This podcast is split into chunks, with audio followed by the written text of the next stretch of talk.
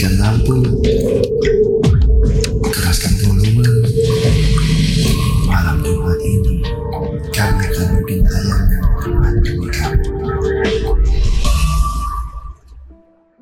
Radio Mercu Buana Station for Creative Student.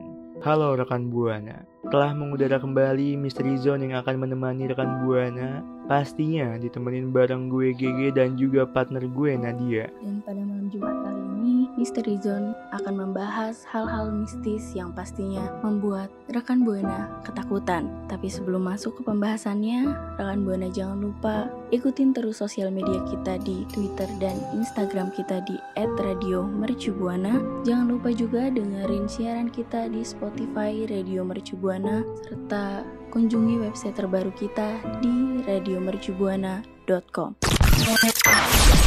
Radio Mercu Buana Station for Creative Student. Halo rekan Buana, pada kesempatan kali ini kita mau membahas hal-hal mistis mengenai permainan ritual yang kemarin kita bahas. Ternyata salah satu dari permainan tersebut menjadi perhatian dan rekan Buana juga masih penasaran lebih dalam dengan permainan tersebut, yaitu jelangkung. Hmm. Nah, eh, mungkin dari rekan Buana sendiri ya, ada yang udah mengetahui nih apa itu jelangkung. Jadi eh, jelangkung itu merupakan permainan tradisional Nusantara yang memang bersifat ritual supernatural dan karena bersifat supernatural ini umumnya dilakukan sebagai ritual untuk memanggil entitas supernatural. Jadi media yang digunakan untuk menampung makhluk halus atau entitas supernatural yang dipanggil dalam permainan jelangkung adalah sebuah gayung love Enggak warna pink yang Ya, gayung kayu ya yang betul. biasa yang biasanya dari batok kelapa itu ya put ya Kalau pisang nggak ada Hmm. batoknya ya. yang dari tempurung kelapa tempurung kelapa yang mungkin nantinya didandani ya put ya Betul. dengan pakaian atau mungkin nanti yang menggunakan gagang batang kayu ya put Betul. Nah, permainan ini juga dikenal sebagai permainan tradisional anak-anak, Hmm. namun juga dilakukan sebagai usaha menjaga keselamatan desa dan menolak bala. Hmm. Dan untuk manfaat ini biasanya dilakukan oleh orang-orang yang sudah dewasa. Hmm, ya berarti kita kalau kita balik lagi ya ke apa namanya kegiatan sebelum-sebelumnya dari Jelangkung pada saat ini berarti pada masa itu Jelangkung digunakan sebagai eh, ritual untuk menjaga keselamatan desa, Betul. menolak bala, bahkan digunakan sebagai permainan untuk anak kecil. Betul. Karena eh, menurut versi Jawanya juga ya Put eh, itu dapat dimainkan dengan menggunakan peralatan tulis jangka. Jadi eh, versi yang berkembang di daerah-daerah, khususnya di Pulau Jawa, yang umumnya dulu tuh dimainkan di desa-desa dengan menggunakan medium orang-orangan sawah untuk memanggil makhluk halus itu. Betul. Pantas saja sekarang eh, sudah jarang ya orang-orang sawah makanya gayung tersebut dibikin bentuk menyerupai orang-orangan sawah. Iya. Mungkin lebih ini juga ya, lebih eh, fleksibel juga gitu, maksudnya lebih nggak terlalu besar lah gitu. Jadi yang ukurannya agak kecil, tapi lebih sama, maksudnya eh, masih sama men- menyerupai lah dengan dia itu sendiri. Karena eh, orang-orangan sawah susah dicari, makanya eh, dibuatlah gayung menyerupai orang-orangan Lego. Betul. Mungkin dari rekan buana yang pernah mengalami atau mungkin pernah melihat ya bentuk dari jelangkung atau mungkin pernah bermain dengan jelangkung, mungkin bisa langsung aja ceritain ke gue dan juga Nadia dengan cara mention di Twitter @radiomercubuana dengan hashtagnya Mystery Zone. Radio Mercu Buana Station for Creative Student. Eh Nat, Nat, Apa? Nat, Nat, ini gue, gue lagi mainin, Mainin apa tuh? mainin boneka Bernard Bear, Uh. karena biar gue kayak ngikutin jelangkung gitu loh. Gak bisa dong. Terlalu soalnya- gemoy. Boneka Bernard Bear kan lucu banget kan kayak hem hem hem gitu dia ngomong. Ham ham. Terlalu gemoy dong. Gak bisa. Eh betul, tapi kan kalau kita ngelihat dari bentuk penampakan jelangkung itu sendiri kan udah seram gitu ya, ya Nat ya. Apalagi kalau misalnya di film-film atau mungkin di acara-acara horor ya kan, bentuk jelangkung itu sendiri punya punya ciri khas lah gitu. Karena pas banget nih eh, di segmen ini eh, gue dan juga Nadia bakal ceritain ke rekan buana apa apa aja sih sejarah dari jelangkung. Mungkin dari Nadia bisa langsung jelasin jelangkung. Oke, jadi cara memainkan jelangkung tersebut dengan cara yang tidak mudah sebenarnya. Pada umumnya dilakukan itu dengan tiga orang, Hmm. Yang dua itu memegang boneka jelangkungnya, dan yang satu menjadi pawang untuk membaca mantra. Oh. hmm. Berarti kalau misalkan ya dua orang itu ya, dua orang berarti sambil megang gitu kan, megang jelangkungnya, Iya, ya kan? betul. Si satu orang ini yang menjadi apa ya istilahnya? Si pawangnya lah Mm-mm. untuk membacakan mantra-mantra karena biasanya kalau main kayak gini dilakuin di tempat yang emang diyakini angker terus juga sambil menikmati senja dengan kopi-kopi, musik indie, seperti itu. Ditemenin pisang goreng nggak? Tidak dong. Enggak ya. Kenapa? Kenapa pisang goreng di bawah? Biar lebih enak aja gitu senjanya. Oke, Hmm. kembali ke topik Mungkin ya. banyak dari rekan buana juga sih Nat yang emang bertanya-tanya sih eh, soal dari permainan jelangkung ini. Ini tuh untuk apa? Untuk apa? Untuk memberi pertanyaan apa? Pertanyaan apa? Mungkin dari lu Nat punya info nih untuk rekan buana. Jadi eh, pertanyaan-pertanyaan yang biasa ditanyakan kepada arwah yang masuk ke dalam eh, media untuk menjadi permainan jelangkung ini Hmm. adalah biasanya ditanya nama makhluknya siapa, Hmm. meninggal pada tahun berapa, Hmm. bahkan sering juga eh, ditanya sebagai peruntungan seperti apa yang akan datang nanti, terus nomor-nomor keberuntungan untuk biasanya dijadikan eh, perjudian gitu. Eh, tapi tapi ya Nat ya, kalau jelangkung misalkan kita tanya kita tanya soal zodiak itu bisa nggak sih? Nggak bisa, Nggak bisa ya. nggak bisa. Hmm. Mungkin eh, kan dari yang kita tahu ya, yang kita pernah lihat di film-film itu, Mm-mm. eh, biasanya mengguna, menggunakan jangka gitu nggak sih buat nanti misalnya digambar di lingkaran gitu, Betul, juga nanti ditulis huruf abjad gitu. dikasih huruf abjad, digambar di atas kertas, terus diiringi sama satu mantra yang cukup sederhana mungkin rekan buana juga udah tahu. Kayak gimana? Mantranya itu bahasa Indonesia Hmm. yaitu Jalangkung Jalangsat. Di sini ada pesta, pesta kecil-kecilan, Jalangkung Jalangsat. Hmm. Datang tak diundang, pergi tak diantar. Dan itu diucapkan berkali-kali sampai makhluk halus Hmm. atau tak kasat mata masuk ke dalam media yang digunakan untuk bermain jelangkung. Kalau kan ini dari mantranya itu ada ada apa ya namanya ada kata-kata soal pesta ya istilahnya. Kalau jelangkung itu sendiri eh, pemilih nggak sih kalau datang ke pesta-pesta misalkan ke pesta nikahan, pesta ulang tahun, dia milih-milih nggak sih? Kebetulan milih kemarin dia datang ke pesta ulang tahun Bloody Mary ya. Oh, hmm, dia emang orangnya pemilih gitu ya. Mungkin dari rekan buana nih yang eh, udah ngedengerin gue sama Nadia membahas soal jelangkung, cara bermain jelangkung. Mungkin eh, dari rekan buana punya ini ya, Nat, punya apa sih namanya? Eh, punya Pengalaman. pengalaman, benar, punya pengalaman atau mungkin rekan buana dapat cerita dari teman-temannya mengenai jelangkung bermain bermain jelangkung seperti apa Mm-mm. mungkin bisa langsung aja ya diceritain ke gue dan juga Nadia dengan cara mention di mana Nat Mention di Twitter kita di @radiomercubuana dengan hashtagnya Mystery Zone. Radio Mercu Buana Station for Creative Student. Baik rekan Buana, udah saatnya kita masuk ke dalam segmen yang paling ditunggu-tunggu sama rekan Buana, yaitu Celamuan, cerita malam Kliwon.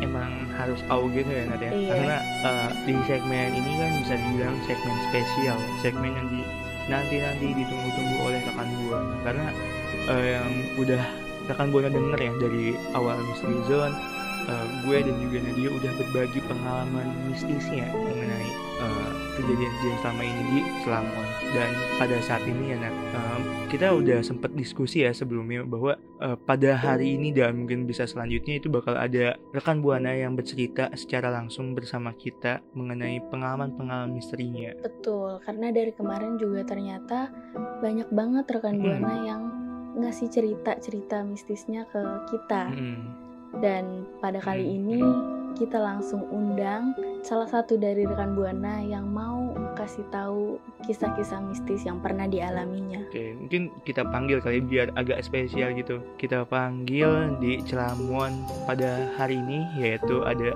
Meta yang akan berbagi pengalamannya. Halo rekan Buana, halo Gigi dan Nadia. Oke, eh, sebelumnya gue kenalin diri dulu kali ya. Kenalin rekan Buana, eh, gue Meta. Di sini gue pengen ceritain hal mistis yang eh, sebelumnya pernah gue alami nih waktu gue masih umur 12 tahun. Hmm. Ini mah gue masih SD lah. Iya. Waktu masih jajan cilor juga itu ya. Mm-mm, Kebetulan Cilor belum ada ya di sini. Betul. Mm-mm. Eh, ini eh, gue langsung ke ceritanya atau Boleh kayak langsung gimana? ceritain Boleh. aja. Boleh langsung aja diceritain mungkin ceritain soal eh, pengalaman jual beli followers atau Jangan pengalaman yang lain. Boleh nggak apa-apa. Karena itu kan agak mistis juga ya. dong. Iya, eh, ini gue langsung ke ceritanya aja ya. Mm. Jadi tuh waktu gue waktu masih umur 12 tahun dan di mana gue pengen eh, biasanya kan kalau eh, orang Indonesia gitu kalau ada lebaran tuh pasti pulang kampung kan ya. Mm. Eh, di situ tuh gue pulang kampung ya seperti biasa gitu sama keluarga gue. Mm. Tapi ada yang bedanya nih dan anehnya pas eh, keluarga gue lagi siapin terus lagi siap-siap pokoknya mau berangkat pulang kampung Mm. entah kenapa gue itu pegang atap mobil gue kayak sambil kayak megang gitu sambil diusap gitu terus gue bilang kayak Bismillah terus kayak gue aneh gitu kelakuan gue aneh kayak Kayak freak gitu lah ya. kayak nggak tahu kenapa ngosa Kayak bocah freak gitu. Mm, kayak gue pokoknya Kayak bukan biasanya kali ya. ya ya kayak bukan biasanya gitu Iya.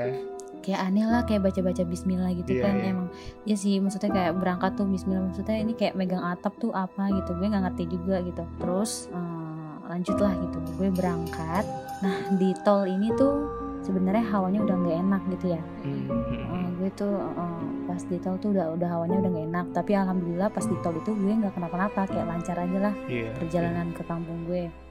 Nah, tiba di saat nih ya, udah mulai ini nih, ada yang aneh. Apa tuh? Jadi tuh hal pertama yang gue, eh, ini gue ada tiga tahap sih ya untuk ke eh, apa ke kejadian yang benar-benar bikin trauma gue banget.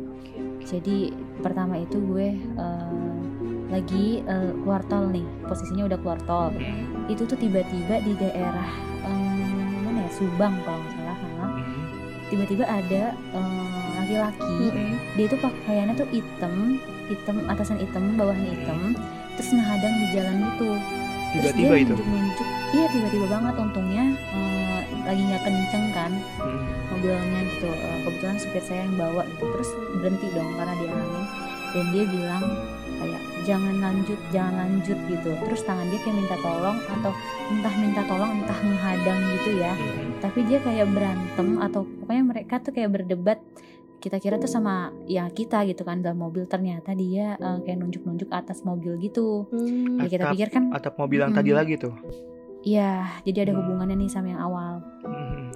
tapi mungkin eh, dari keluarga gue pikir itu cuman ya orang mungkin kurang waras gitu ya jadi kita Iya. dahulu kita lewatin aja gitu pas pas kita lewatin cuman gue do- eh, gue doang tuh yang lihat ke belakang gitu kan terus dia tetap di belakang eh, udah kita lewatin tuh dia tetap ngadep mobil gue kayak jangan pergilah ibaratnya kayak gitu Iya kayak udah ditandain lah gitu istilahnya mah. iya yang gue pikirin sampai sekarang tuh itu orang tuh emang kayaknya ada sesuatu yang dia tuh punya tahu gitu sesuatu soalnya kayak dari pakaian juga dia hitam-hitam terus ada tulang-tulang kayaknya sesuatu orang yang tahu hal-hal mistis lah ya kayak gitu Baju tulang-tulang tuh yang kayak ada kalungnya tulang-tulang gitu oh gitu ini tulang-tulang. Hmm, gue nggak tahu sih dia Ini- itu apa Itu dia gitu. maksudnya secara tiba-tiba ya istilahnya kayak spontan. Uhuy gitu kan. Iya. Nah. Dia kayak Berarti kan ya istilahnya pada zaman dulu kan kita belum ada yang kayak Sherlock atau segala Iya. macam gitu kan nggak ada kan. Makanya kan kita kaget juga mungkin kan dari Meta kan. iya kaget dong. Itu kenapa? Jadi kita pasti ya orang awam mikirnya ya, Hmm, ini orang kenapa? Jadi kayak orang gak jelas gitulah kita lewatin aja tuh. hmm, betul. Nah tiba di eh, tahapan kedua nih yang aneh. Jadi abis kita ngedengerin orang tadi, Hmm, pas lagi kita ngelewatin sekolah gitu ya. Ini pukul eh, 4 sore kayaknya. hmm, Oh masih sore. Iya bubaran sekolah nih anak SMK gitu. hmm. Di situ tuh mobil saya ditabrak sama motor dari belakang Iya. sampai pecah eh, apa lampu belakangnya. Itu tuh pokoknya ada perdebat perdebat apa perdebatan ya. Tapi Hmm. yang karena dia masih sekolah jadi keluarga saya ya udahlah ya nggak sengaja itu kayak Ngewajarin eh, gitu tapi ya. itu cukup kayak ribet gitu juga sih ya permasalahannya karena kayak ada aja gitu eh, yang ngalanginnya gitu kan Iya iya.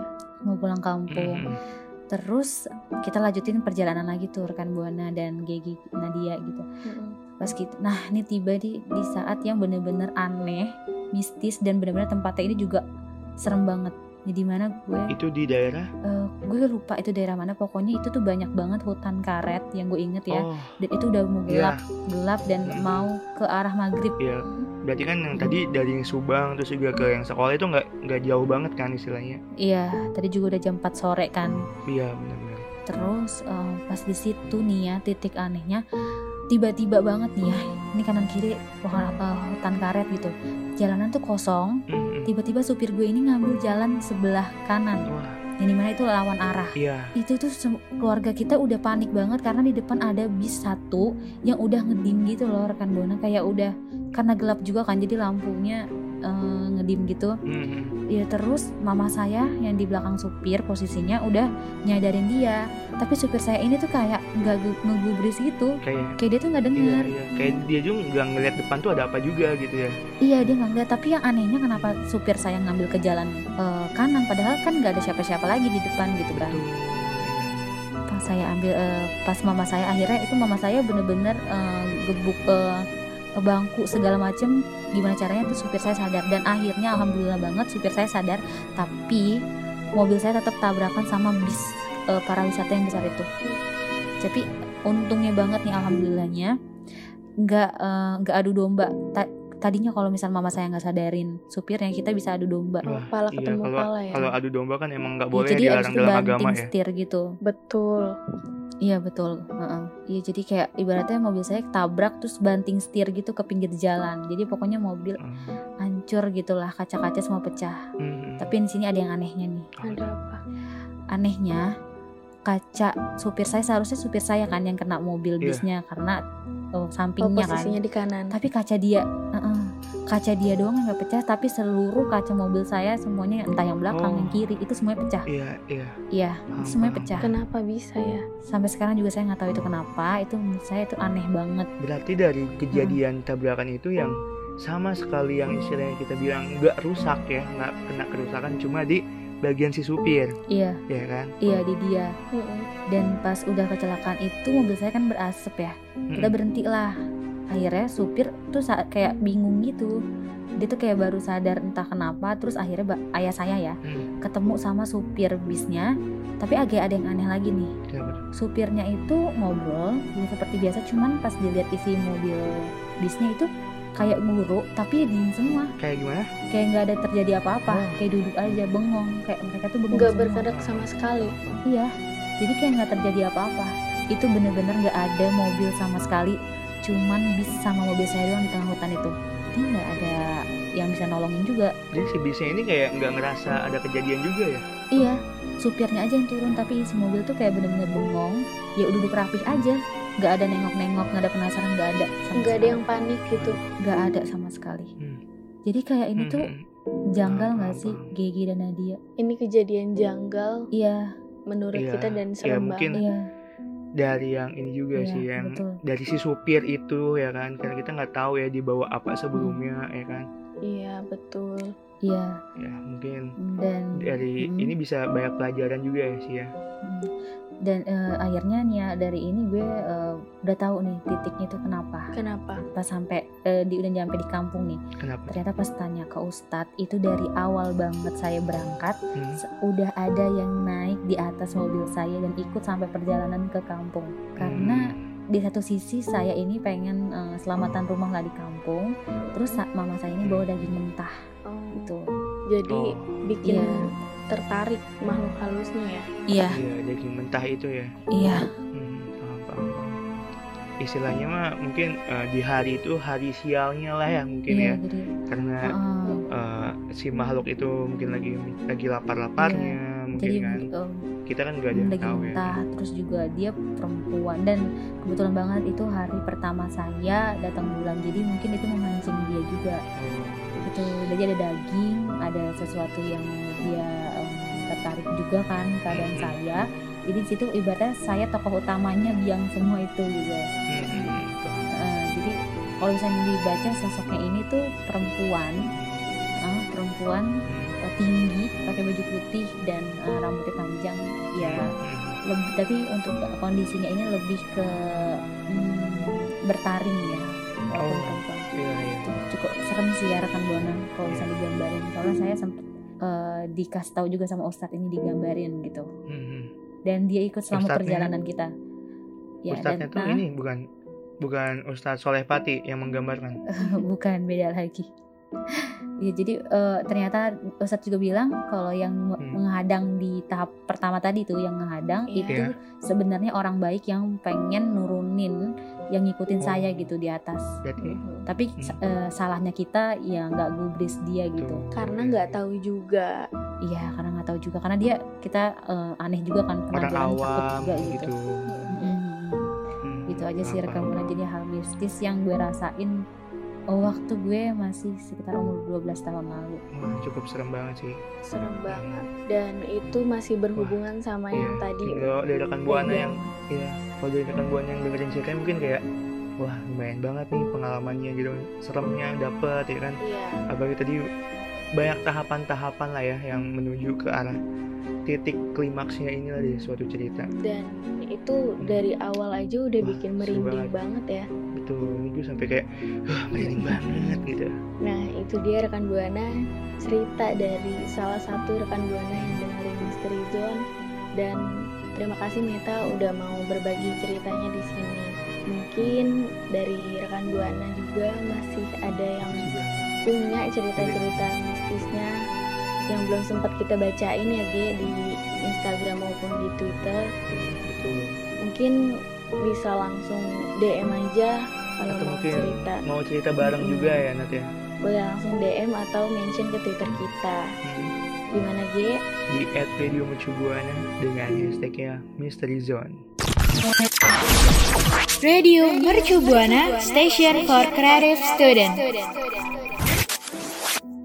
Rekan buana Mystery Zone pada malam hari ini. Mulai dari pembahasan soal jelangkung, cara memainkan jelangkung, sampai cerita malam kliwon yang dibagiin oleh rekan buana, yaitu dari Meta. Buat rekan buana yang mau ngebagiin ceritanya, cerita seremnya, cerita mistisnya, bisa langsung ceritain eh, dengan cara kirim-kirim lewat eh, Twitter atau Instagram @radiomercubuana dengan hashtag Mystery Zone, atau mungkin dari rekan buana yang ingin bercerita secara langsung seperti Meta, bisa langsung aja eh, dengan cara mention juga cerita terserah rekan buana mungkin eh, rekan buana ingin eh, siaran secara langsung bisa mungkin dengan eh, bisa di mention juga ya di Twitter @mediumcubuana dengan Zone dan gue mau berterima kasih nih untuk orang-orang di belakang Mystery Zone yaitu ada produser Bang Adam dan juga operator Reynald, operator Reynaldi yang udah ngebantu proses siaran Mystery Zone pada malam hari ini. Dan gue juga mau berterima kasih sama rekan Buana karena udah dengerin kita dari awal pertama Mystery Zone sampai saat ini dan mendukung kita dengan cara mengirimkan kisah-kisah seram dari rekan Buana.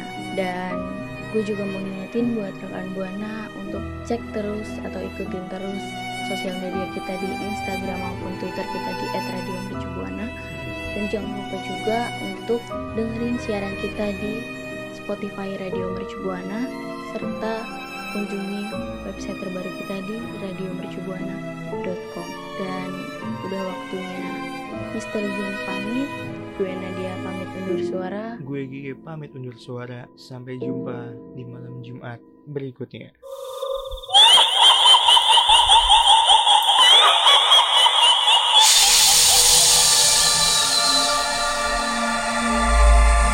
Kami tidak pergi rekan buana.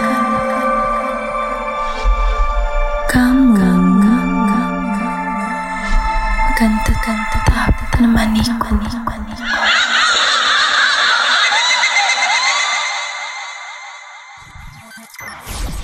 Radio Mercu Buana Station for Creative Student.